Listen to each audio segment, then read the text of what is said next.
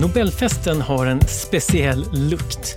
Det är lukten av 1300 personer som har tagit på sig sin dyraste parfym. För när man går på festernas fest, då vill man vara uppklädd och man vill känna sig fin och festlig. Dels för sin egen skull, men också för att det förväntas av en vid ett sånt här tillfälle. Nobelfesten handlar ju om att fira det mest excellenta inom vetenskap och litteratur och då måste inramningen också vara passande excellent. Gästerna, de är inte bara gäster utan de är en del av skådespelet. Det är som den legendariska hotellarkitekten Morris Lapidus sa. Om du skapar en scen och den är storslagen, då kommer alla som går in på den spela en storslagen roll. En sak som verkligen kan skapa en sån här storslagen scen, det är ju lyx. Det kan vara inom kläder, mat, smycken och förstås parfym. Du lyssnar på Idéer som förändrar världen, Nobelprismuseets podd med mig Gustav Källstrand. Och idag ska det alltså handla om någonting som man just förknippar med Nobelfesten, lyx. Och med mig för att prata om det är modeforskaren Paula von Wackenfeldt. Välkommen! Tackar! Um, jag kan börja med att fråga, har du någon relation till Nobelfesten? Nej, jag har aldrig blivit inbjuden eller haft anledning att eh, bli inbjuden till Nobelfesten. Däremot har jag fått följa med på tv. Ja. Eh, väldigt lyxigt som du sa, väldigt spännande. Och eh, det är den här formen av immateriell lyx som jag kallar det, som förmedlas där. Den immateriella lyxen består av den här kunskapen, därför att jag anser att kunskap är lyx.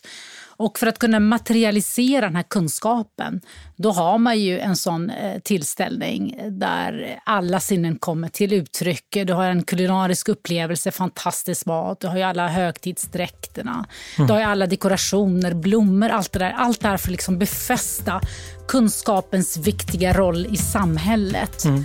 Eftersom kunskapen är lyx i sig, menar jag. Paula von Wackenfeldt är docent i modevetenskap vid Stockholms universitet.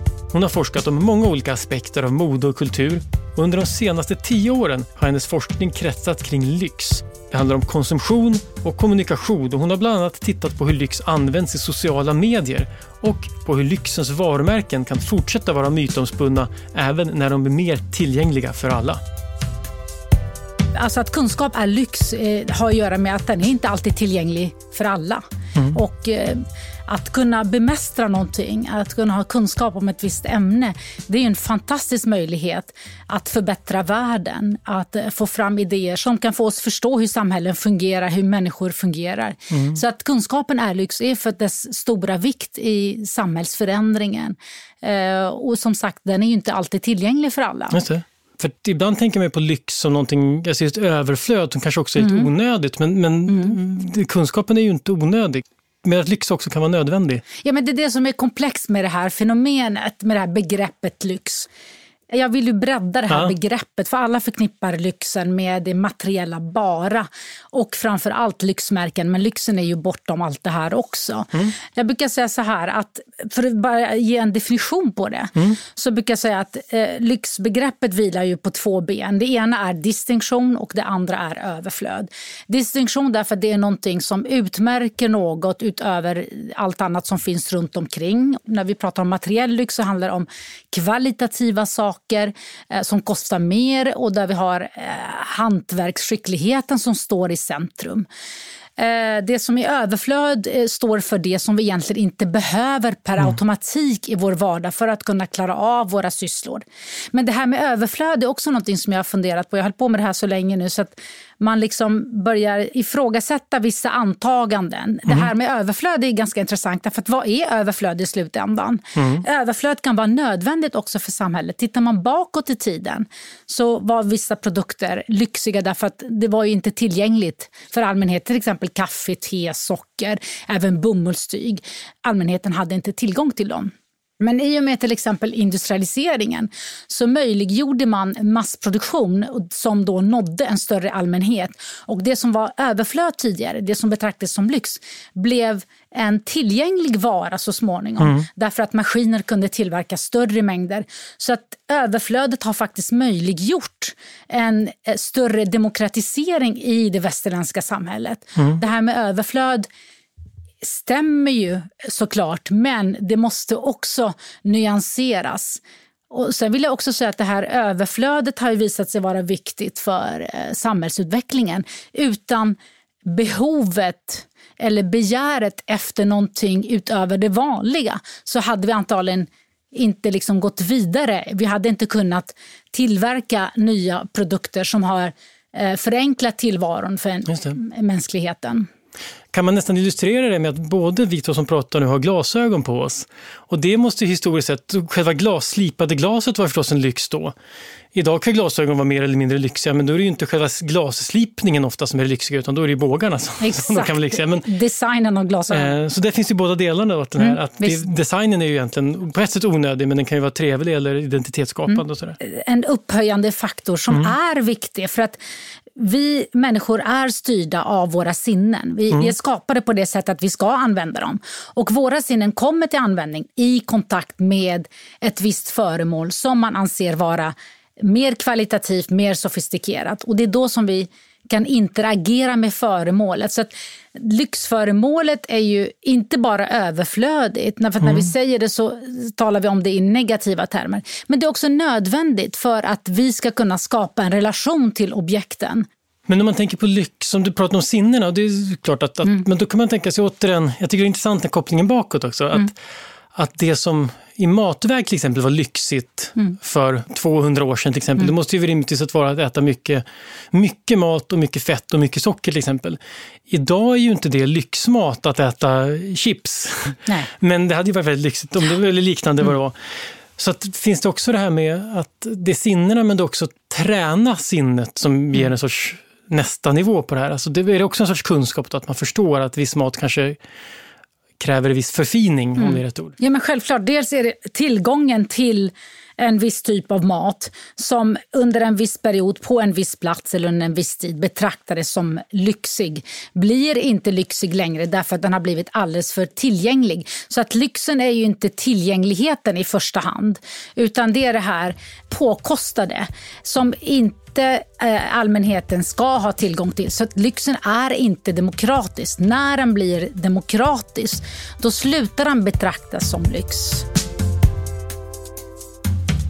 Ordet lyx kommer från latinets luxuria, som betyder ungefär överflöd.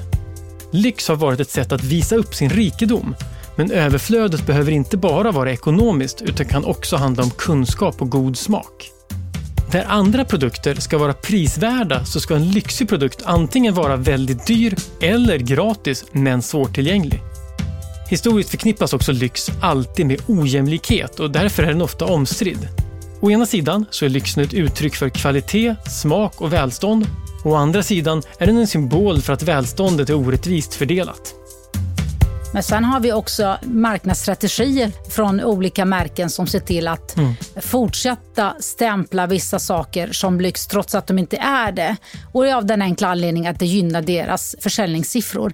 Men det jag försöker säga här är att lyxen är väldigt kontextuell och mm. den är tidsbunden.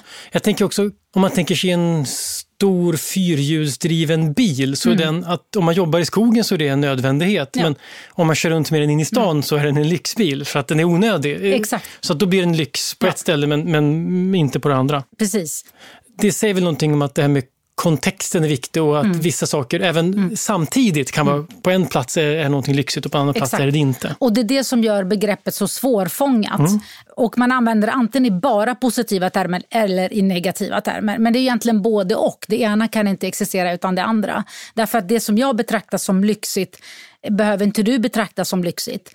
Och Det är det som gör att det är svårfångat. Så jag brukar alltid säga att man måste verkligen fånga in det begreppet i sitt sammanhang för att kunna förstå vad det står för. Ja, det tycker jag när man försöker sätta sig in lite grann när du berättar nu och också när jag försökte läsa på lite innan, att det är ett begrepp som bara växer ju mer man läser. Mm. Men när man, ett sätt att definiera kan ju vara att titta på vad som inte är lyx. Vad är liksom lyxens motsats? det är väl nödvändigheten igen. Mm. Alltså, mm. Vi behöver ha tak över huvudet, vi behöver mat för dagen. Däremot behöver vi inte bo i storslagna hem.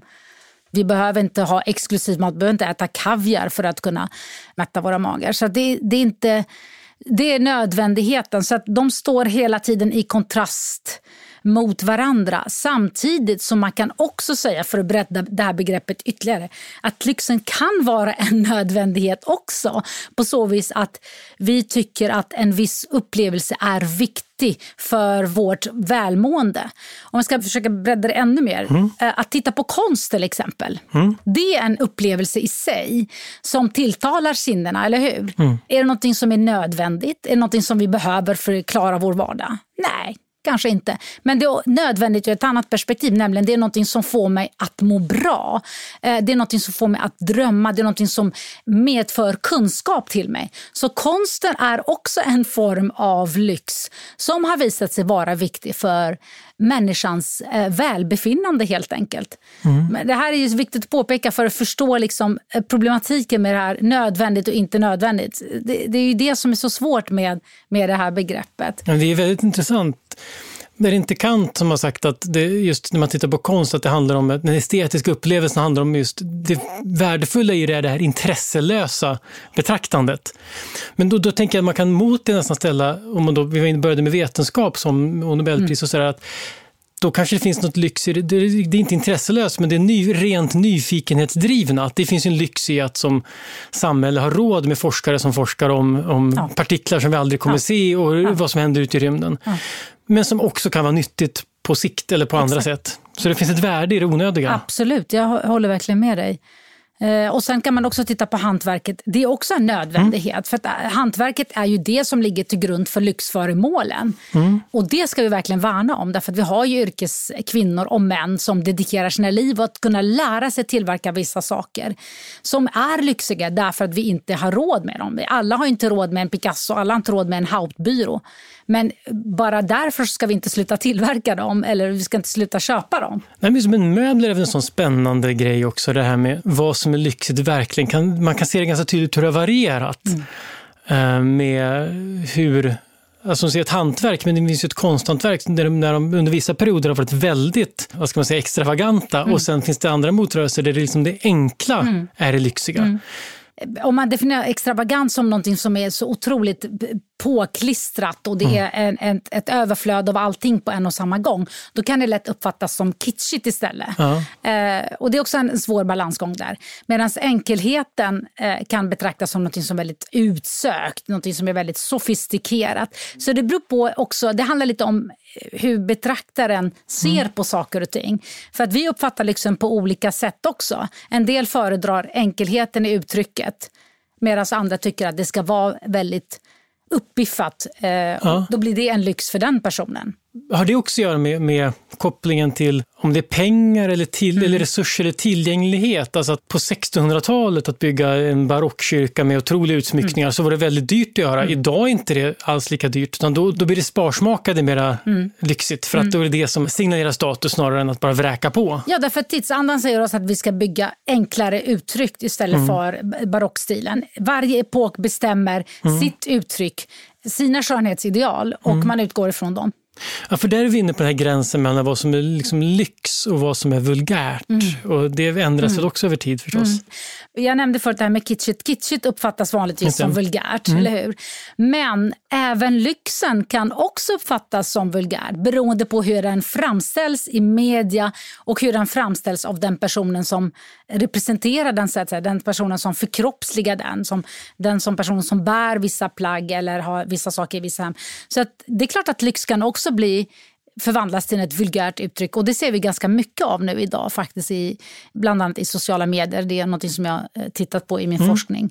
Hur liksom det kvantitativa blir liksom centralt i i hur man ska representera sig själv. Alltså det, det kvantitativa blir, blir, ett uttryck för den egna identiteten. Och Det handlar om att man ska visa upp sig i vissa märken på ett repetitivt sätt hela tiden. Till slut så kan man fråga sig, men är det här märket verkligen lyxigt? Därför att det framställs mm. på ett väldigt ointressant sätt. Så lyxen töms på sin essens till slut när den blir så otroligt vanligt förekommande. Och det är liksom banala situationer som den visas upp i. Och då kan man verkligen börja ifrågasätta, vilket jag gör väldigt mycket också i min forskning, vad det betyder egentligen någonting som är lyxigt. Ja, men du var väl kanske inne på det igen med kunskap. det är inte svårt att köpa en Louis Vuitton-väska eller en Gucci-väska. Man behöver inte veta någonting för att veta att det är lyxigt och då tappar det lite värde kanske man vill ju hellre ha någonting som de flesta kanske inte ser är hur lyxigt det är, men de som fattar, fattar. Eh, det beror på hur mycket man kan. Men alltså att eh, köpa ett visst märke för att det finns överallt, ja, det är väldigt enkelt. Men det som jag tycker vi saknar mer och mer i dagens samhälle är att, att bygga upp en relation till det man köper. Därför att mm. du köper saker därför att alla andra gör det och du följer med strömmen. Och då har man liksom inte förstått värdet i hantverket utan man gör det mm. därför att man förväntas göra det. Därför att man vill framställas som en person som har viss kunskap om vilka de lyxiga märkena är. Man bara staplar på sig för att man har ju möjlighet att göra Man har liksom den ekonomin som tillåter den typen av, av köp. Och då är man inne på också varför lyx, eller för all typ av värde tänker jag skapas. Mm. Att det handlar om hantverk och det är ju mm. både en fråga om tid och kunskap förstås. Mm. Och det är ju liksom nästan ganska på ett materialistisk syn på värde, att det handlar mm. om den tid man lägger ner på varan. Mm. Det är nästan tror jag, mm. Marx definition på, ja. på värde. Ja, Samtidigt som de här lyxsakerna också har ett otroligt idealt värde, ett symboliskt värde också. De, de, de, är både och. Det, ja. det jag ska säga. För att ett lyxföremål har både ett immateriellt och materiellt värde. Och vi kan liksom inte eh, ta bort det ena. Vi, båda står för lyxföremålets essens. Det materiella värdet är oundvikligt därför att det krävs ju tid. Mm. Du måste betala någon som kan det här yrket, som är specialiserad på det. Du måste betala skäligt också. Så att, att, att eh, eh kvalitativa produkter kostar pengar, det är ju, det är ju självklart. Mm. Det, det ska de göra också. För att materialen är dyrare, du har ju också arbetskraften som är dyrare och du har personer som är utbildade och som du ska betala. Mm. Eh, det immateriella handlar också om att dessa saker faktiskt tillfredsställer våra sinnen. Vi är inte genuint intresserade av det estetiska, vi är intresserade av kvalitet, vi är intresserade av det vi ser, det vi känner, det vi luktar, det vi smakar på. Alltså lyx omfattar allt. Det är liksom alla sinnen interagerar och det handlar inte bara om väskor eller skor. Det handlar mm. om så mycket annat. Det handlar om mat, det handlar om, om konst återigen. Det mm. handlar ju allehanda typer av föremål såklart. Mm. Och jag tänker en del på, när man, eftersom vi ändå knyter upp det på Nobelpriset, att mycket av det vi säger nu har ju någon sorts bäring på Nobelpriset som institution också. Mm. Att, för att när man köper en, en väska av ett visst märke eller vad det nu kan vara, eller ett konstverk av en viss konstnär, så köper man ju dels då hantverket naturligtvis och produkter, men man köper ju också arvet av det här, vad det här står för. Och jag tänker att det är väl en del i det som gör Nobelpriset viktigt, att det är dels Alltså Nobelpristagarna får status av att det väljs ut i en process som är noggrann av Nobelkommittéer som är noggranna. Men de får ju också status av att alla tidigare som har fått priset och allt arbete att som har lagts ner. Att ingå i den här institutionen, ja mm. absolut i allra högsta grad. För det är en så pass gedigen etablerad institution eh, som har liksom det högsta kapitalet i världen. Mm. Och att få det här priset då blir man liksom en medlem av den här anrika institutionen, självklart. Och där är också en form av, av lyx, därför att det handlar om eh, utvalda människor som har gjort någonting eh, extraordinärt, de har gjort en extraordinär insats och som belönas för det. Mm. Det är också någonting utöver det vanliga och det kan också betraktas som en, en form av lyx, självklart. Mm. Så att det är återigen kunskapen som står i centrum och kunskapen som ska förbättra världen. Det är det som är viktigt här. Mm. När Alfred Nobel flyttade till Paris, då hade hans dynamit börjat göra ekonomisk succé och han ville därför visa upp sin framgång genom sin bostad. Han köpte ett stort hus i stadens elegantaste kvarter i närheten av Triumfbågen. Nobel anlitade sedan en av de mest prestigefyllda inredningsarkitekterna i Paris och var själv aktiv i valet av möbler och dekorationer.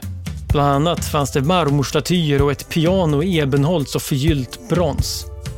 I vanliga fall så var Alfred Nobel mer sparsam, men förmodligen så förstod han det viktiga i att ha ett ståndsmässigt hem för att kunna ta plats i societeten och knyta kontakter. En annan sorts lyx, det var det laboratorium som Nobel inredde i huset. Det gjorde att han när som helst kunde arbeta med sina sprängämnesexperiment. Även det var förstås både dyrt och exklusivt, men kanske också ett tecken på att viss lyx var till för andra och en del lyx var till för honom själv. Man kan fråga sig, är eh, lyxen funktionell? Mm. Ja, jag tror det. Den är instrumentell därför att med hjälp av den mm. så kan vi då åstadkomma någonting. Så den blir ett instrument för att till exempel upphöja en viss upplevelse. För att vi ska kunna må bättre, för att vi ska interagera med våra sinnen, ta tillvara eh, eh, vissa saker i vardagslivet som vi inte har tänkt på förut. Så den har ju faktiskt en viss funktion i allra högsta grad. Och det är det som eh, allmänheten inte förstår riktigt. De, det är väldigt lätt att fördöma den. Men dess funktion är också nära förknippat med eh, eh ett mänskligt behov. Och det mm. har ju visat sig när man tittar bakåt eh, i, alltså sen urminnes tider att lyxen har alltid existerat i alla tider. Mm. Och så fort vi har fått våra närmaste behov tillfredsställda så har vi gått vidare för att skapa någonting annat som gör oss gladare, som främjar vårt välbefinnande. Mm. Eh, jag ska säga andliga, eh, spirituella eh, eh, funktionen. Och den är minst lika viktig som den, eh, så att säga, den materiella, den fysiska. Jag tänkte på det, lyx och kopplingen till det privata respektive det offentliga. Att det mm. betyder olika saker att ha ett lyxigt hem om man är en privatperson eller om man är en offentlig person. Mm. Vad, vad signalerar lyxen då? Ja men visst, den är, lyxen är ju också någonting som ska visas upp beroende av det egna behovet. Man är ju så olika. En del människor är väldigt nöjda med att omges av saker som har inget behov att uppvisa det för omvärlden medan andra är precis tvärtom. Och det här eh, liksom, eh, offentlighetens lyx har blivit väldigt eh, närvarande idag genom sociala medier och det har jag tittat väldigt mycket på. Att det här liksom, mm. Helt plötsligt så har man fått ett redskap, en arena, så att säga, en digital arena där vi kan visa upp oss för omvärlden och visa att vi har faktiskt möjlighet och vi har koll på vad det är man ska på sig. Men när det bara handlar om att visa upp saker då blir det liksom smått banalt, lite ointressant. Därför att då mm. har man inte förstått värdet av saker och ting. Eh, och Det blir en banalisering av det som vi kallar för lyx. Därför att Då handlar det bara om att jag ska visa upp för dig hur mycket koll jag har på de här märkena. Medan det privata har ju liksom en helt annan dimension.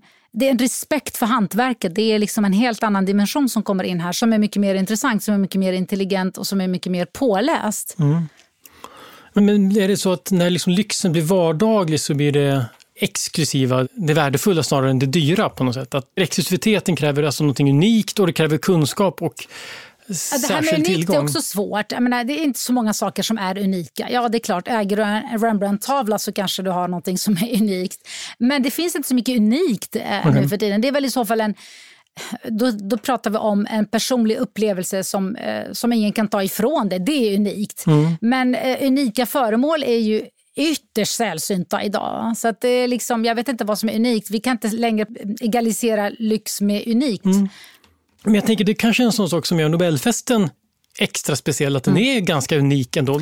Alla kan ju gå på en fin middag på en ja, restaurang, det absolut. går ju bara att boka bord. Jo. Men den här kommer man inte in på. Då, då finns det liksom den återkommer en gång om året mm. och, och kan anses unik. vara unik därför att det är långt ifrån, alltså en liten procentdel av hela världens... Eh, mm.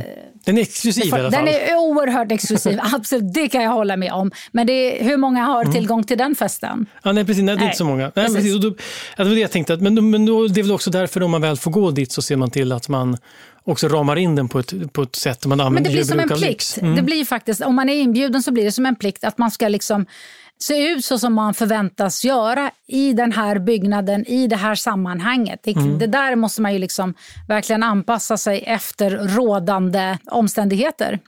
Ja, som inledde med, ja, man blir en del av skådespelet. Det, det vore märkligt att komma dit med ett par jeans. Det är klart att man inte gör det. Uh, jag har inte hört att någon har gjort det eller försökt göra det hittills. Men, uh, nej, jag vet inte vad som skulle hända. Nej, Vi får. Jag kanske inte är påläst om det. Jag vet inte. Nej, det har ju funnits folkdräkter och sånt där, men det, det är ju inga konstigheter. Nej, det är absolut inte.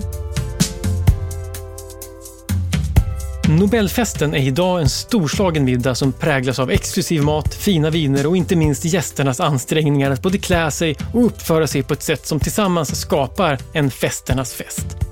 Förebilden har varit barockens banketter på 1600-talet där mat, dukning och underhållning skapade ett slags sammanhållet allkonstverk. Vad man dock inte har tagit med från barocken är det slösaktiga överdådet Nobelstiftelsens mål med lyxen har varit att med hjälp av hantverk och kunskap fira Nobelpristagarna, inte att visa upp sin egen rikedom. Därför har man ibland skurit ner på utbudet.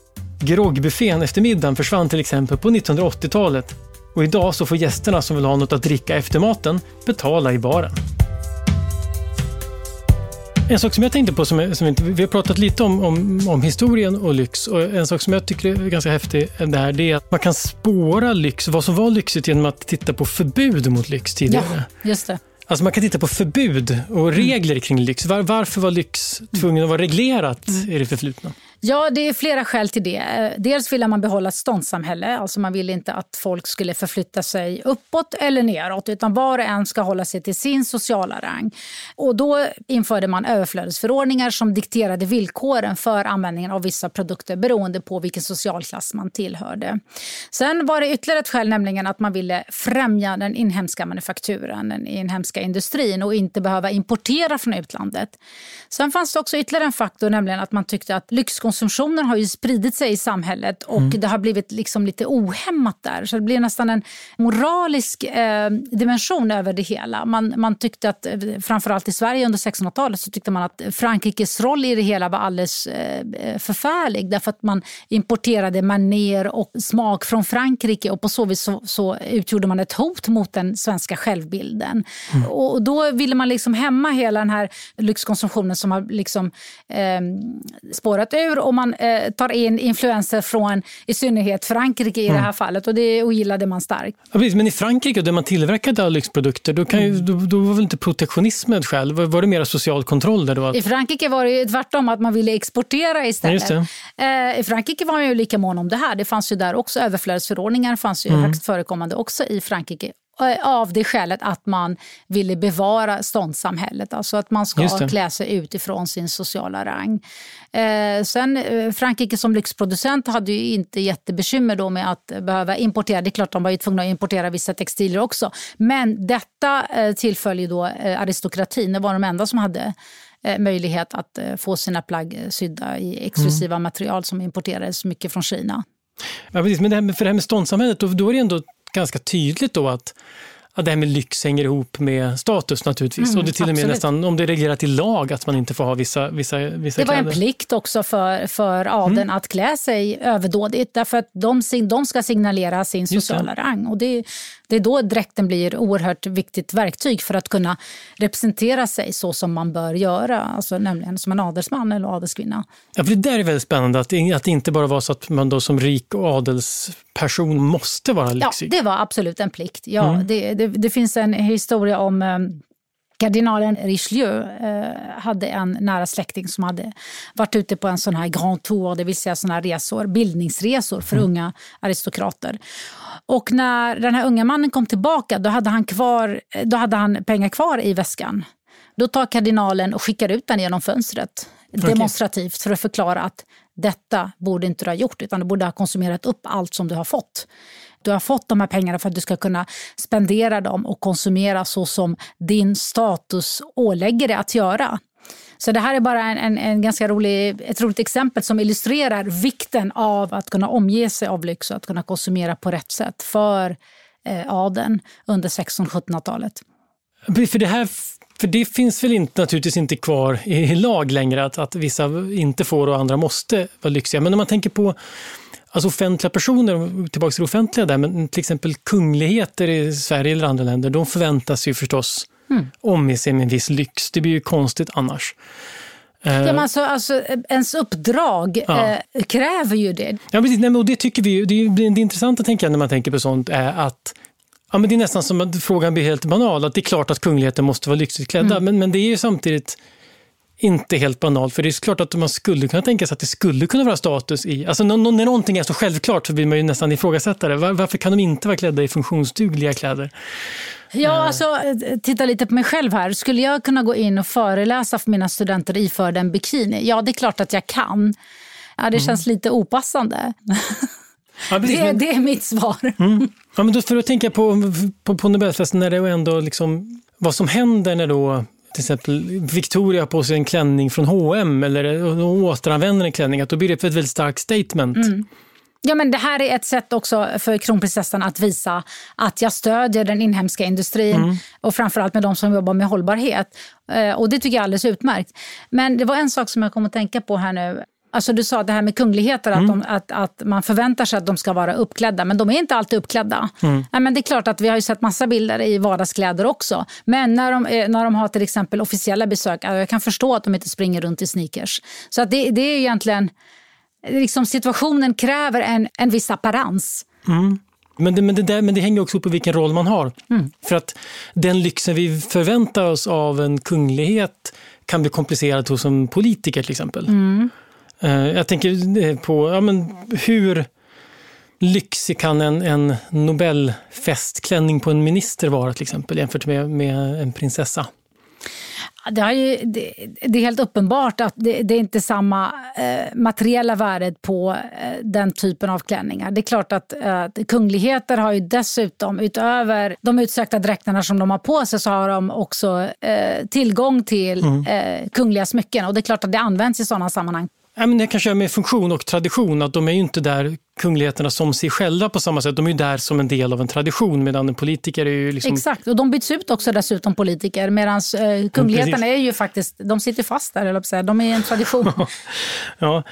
Um, en annan sak som man kan se väldigt tydligt på en sån sak som Nobelmiddagen och inte minst på kungligheterna, det är en, apropå väldigt immateriell lyx på ett annat sätt, det har kanske har att göra med kunskap egentligen, men det är hur man för sig, alltså ja. den här kunskapen. Ja för det är någonting man kan se på eh, att någon människa på, på Nobelfesten är liksom van vid det är ju när man helt obekymrat tar rätt gaffel och rätt kniv. Och, mm. och den där hur man liksom, mm. och då kan man också bryta mot reglerna mm. man kan dem. och sånt där. Mm. Det är kunskap återigen. De mm. har ju lärt sig från barnsben hur man ska uppföra sig. Så det är en uppförandekod som hör ihop med sofistikerade. Alltså uppförandekoden i sig är sofistikerad och kompletterar hela bilden.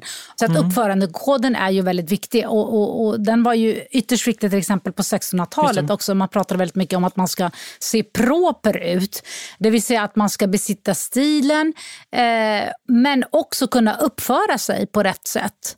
Ja, men och det syns ju på en, ja, när man är bekväm eller inte. Ja. Det tycker jag är spännande. Den här, det är också en sorts, det är inte gratis heller, men det är en sorts kunskap som inte kräver att man köper någonting. Man behöver inte äga lyxen. Det är lite som vi var inne på konst, att mm, kunna titta på mm, konst på rätt mm, sätt är ju en lyx, mm. men utan att man äger en Picasso eller en Rembrandt så kan mm. man titta på Picasso och Rembrandt på rätt sätt. Nej, men vet du, det är ganska intressant det här det du säger, därför att man säger ju att snabbt i alla fall för ett tränat öga. Eh, människor som, liksom, som går på gatan som är verkligen iförda det mest exklusiva, för det syns ju på alla mm. loggor och allt det där. Men det finns liksom ingen... Kroppen rör sig fel, kroppen signalerar mm. bara det ytliga och då blir det faktiskt ganska ointressant. Så jag förstår precis vad du menar. Det handlar om att hur man liksom bär upp saker och ting på ett personligt sätt. Mm. Det är det också som är lyxigt, att kunna lyckas med ditt personliga uttrycket. Inte bara köper bara för att man har råd att göra det, utan det personliga uttrycket är oerhört viktigt. Liksom en, en, ett estetiskt uttryck som man vet att man besitter, mm. oberoende av vad resten av världen säger till att man ska se ut som. Förstår du vad jag menar? Alltså det handlar mm. inte bara om att gå in och köpa sig fullt med väskor och skor och gå omkring med dem och så är man ju klar. Det är, det är inte det som är eh, lyxigt tycker jag i alla fall. Nej, men jag tänker det där får ju en spännande om man ska säga twist men på det här med demokratisering av lyx. För det gör ju att, eh, som du var inne på med sociala medier, då kanske man kan se på, det kan nästan uppfattas som vulgärt för man ser mm. folk som har köpt på sig lyx men som kanske inte riktigt dricker, det låter väldigt elitistiskt, men dyrt vin ur billiga glas. Mm. Alltså, den inte riktigt håller den vägen. Men, men det säger också, om man vänder på det så kan, kan det också säga att det här möjliggör en demokratisering, för den här kunskapen kostar ju, den kan ju kosta tid, men den kostar inte nödvändigtvis pengar det är klart, ska bli skicklig på vin kan det mm. kosta pengar, men du kan ändå lära dig ganska mycket mm. Som, som gör att du kan liksom bära upp saker ändå. Jo, men det är klart man kan lära sig saker genom sociala medier också. Jag, jag säger inget annat, men jag menar bara att mm. när det bara blir påklistrat, man lägger ut bilder bara för att man ska tilltala någon annan, eh, som blir då det primära syftet, då blir det lite ointressant. Förstår vad jag menar? Alltså, mm. Då blir det lite banalt där. Då, då, liksom, då har man ingen fördjupning, man har liksom inget eh, genuint intresse för det handgjorda, utan det handlar bara om att jag ska få ett godkännande av dig som följare.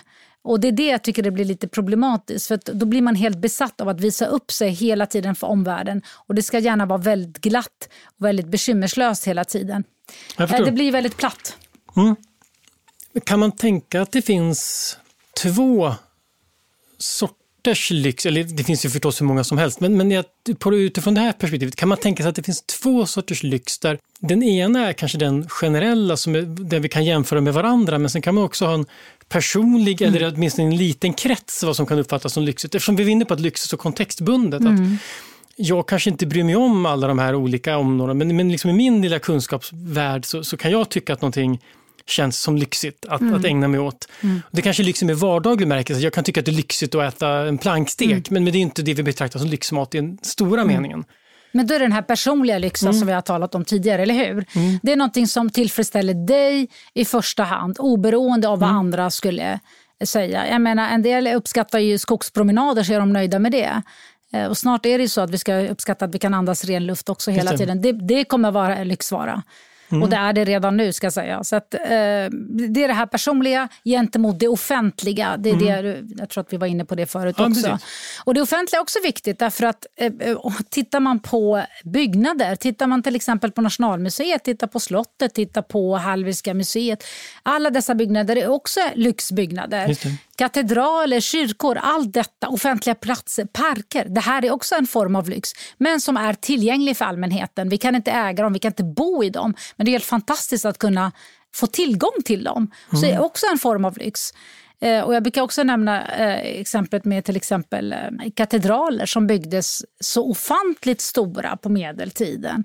Och det var ju också ett sätt att förhärliga Gud och visa Guds storhet i förhållande till den lilla, lilla människan som ska mm. besöka den här katedralen människan ska känna sig otroligt lite i förhållande till den här gudomliga väsenden. Så det är också en form av lyx därför att eh, den symboliserar en Guds makt som är enormt stor. Det är också en, jag menar, byggnader är också ett, eh, en, ett, har ett oerhört viktigt symboliskt värde. Det är en offentlig lyx.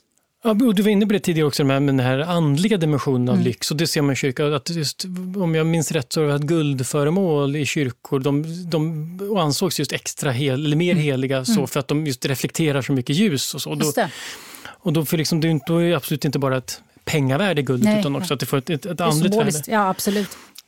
Men en, en, aspekt av det här offentliga, alltså det att en katedral eller så, och det personliga är ju också att en del har varit inne på det vi, vad som nu kan vara unikt men exklusivt och, och att, mm. att, kanske ett föremål har lagt ner mycket tid och har hantverk på. Det kan också bli något personligt i det, att man får en koppling till det och man kanske syns på en att man uppskattar det mer om man ja. har en personlig koppling. Men det finns ju också väldigt mycket saker som är eller som vill vara lyxiga är väldigt, väldigt opersonliga. Att lyx kan uppfattas som något opersonligt. Jag tänker på business class eller första klass på flygplan mm. eller lounger mm. på flygplatser en sån mm. där, liksom, där det finns otroligt opersonlig lyx. Mm. Är det lyx då om det är så himla platt som det är? De som åker business class och de mm. som använder sig av lounger, de ska känna sig utvalda. Det är mm. det som är meningen med det här. Alltså man gör en skillnad mellan människorna och, och, och eh, när du går in i en sån här lounge, då känner du att jaha, jag har tillgång till det här, vilket inte många mm. andra har. Så att det är, man vill skapa hela tiden en känsla av exklusivitet. Jag tänker lyx, lyxen kan ju också faktiskt ha den ganska banala funktionen att vara bekväm. Det kan ju vara, mm, om, man då, om, man nu råkar ha råd med det så är det ju mm, skönare mm. för att sitta i en ja, stor stol på flygplanet än en liten. Så det finns ju också förstås. Ja. Mm. Men om vi går varvet runt till, tillbaka till Nobelfesten. Jag tyckte det var intressant att vi pratade om, om katedraler, det här man känner sig liten. Mm. Och det är kanske inte det man ska göra på Nobelfesten inför Nobelpristagarna, men däremot att... Jo, jag tror att man att, gör det ändå. Jag tror inte det. Alltså man, man, det är en form av beundran, ja. att man tycker att wow, du har ju åstadkommit det här. Det är ju... Mm. Ja, men vördnad i alla fall tänker ja, jag kanske på. Det ja. kanske inte, man ska mm. inte känna sig liten. Just. Nej, inte fysiskt liten, men däremot kanske spirituellt liten eller intellektuellt mindre i alla fall, inte liten mm. nödvändigtvis. Jag menar inte att alla ska känna så, men det är klart att det finns en respekt och en vördnad för den här typen av människor som sysslar med kunskap som förbättrar världen. Ja, det mm. tror jag absolut att det gör. Ja, men jag vet att en del nobelpristagare själva har uttryckt det som att när man får Nobelpriset, alltså man får det här telefonsamtalet i oktober, så är det liksom en overklighetskänsla som infinner sig. Och det är inte så förvånande. Nej, och sen det här som händer sen när de kommer till Stockholm, är att det här blir verkligt. För det, kräv, det här är så stort och då krävs det den här ceremonin, att stå på den här scenen. Och sen den här festen, då liksom landar man i det här. Men så det som för oss utifrån då, som tittar på det ser ut som ganska, då, om man ska säga det, överflöd och over the top lite grann. Men för de som är mitt uppe i det, för dem är det här helt nödvändigt. Mm. Det tycker jag är ett ganska spännande mm. perspektiv på Nobelfesten. Mm. Att för någon behövs det här faktiskt. Och ja, vi är en del av det, vi som tittar på det. Ja men absolut, för det som händer med Nobelpristagarna är att de får egentligen någonting som är immateriellt, alltså någonting som är abstrakt för dem. De mm. får ett pris, men det är fortfarande lite abstrakt. Och det är det som är också med det här begreppet, att först är det egentligen ett abstrakt koncept. Och det är först det materialiseras som vi börjar förstå innebörden av det. När vi kommer i kontakt med det här föremålet eller med en händelse eller vad det nu är för någonting. Så det är egentligen ett två, tvåstegsraket. Mm. Att först abstrakt och sen eh, materiellt. Det är ett alldeles utmärkt sätt att sammanfatta. Man kan se Nobelfesten som en materiell iscensättning av pristagarna och kanske prisets status. Ja, ja, vad bra, då, då är vi överens. då är vi överens. Ja, bra ställe att sluta på eh, innan vi blir oense om något. Tack så jättemycket Paula för att du var här och pratade. Tack det var själv. väldigt spännande. Väldigt roligt. Tack så mycket. Tack. Tack. Idéer som förändrar världen är slut för den här gången. Den här podden görs av Nobelprismuseet. Vi finns på Stortorget i Gamla stan. Information om museets utställningar och öppettider finns på museets hemsida nobelprismuseum.se. Du kan förstås också följa oss på Facebook och Instagram. Och vill du veta mer om Nobelpristagarna och deras arbete så gå gärna till Nobelprisets hemsida nobelprice.org. Och ett stort tack till Nibe Group, EF Education First, Knut och Alice Wallenbergs stiftelse och familjen Erling Perssons stiftelse som möjliggör Nobelprismuseets verksamhet. Idéer som förändrar världen görs i samarbete med produktionsbolaget Filt, producent är Andreas Wiklund och jag heter Gustav Källstrand. Vi är snart tillbaka med nya intressanta samtal.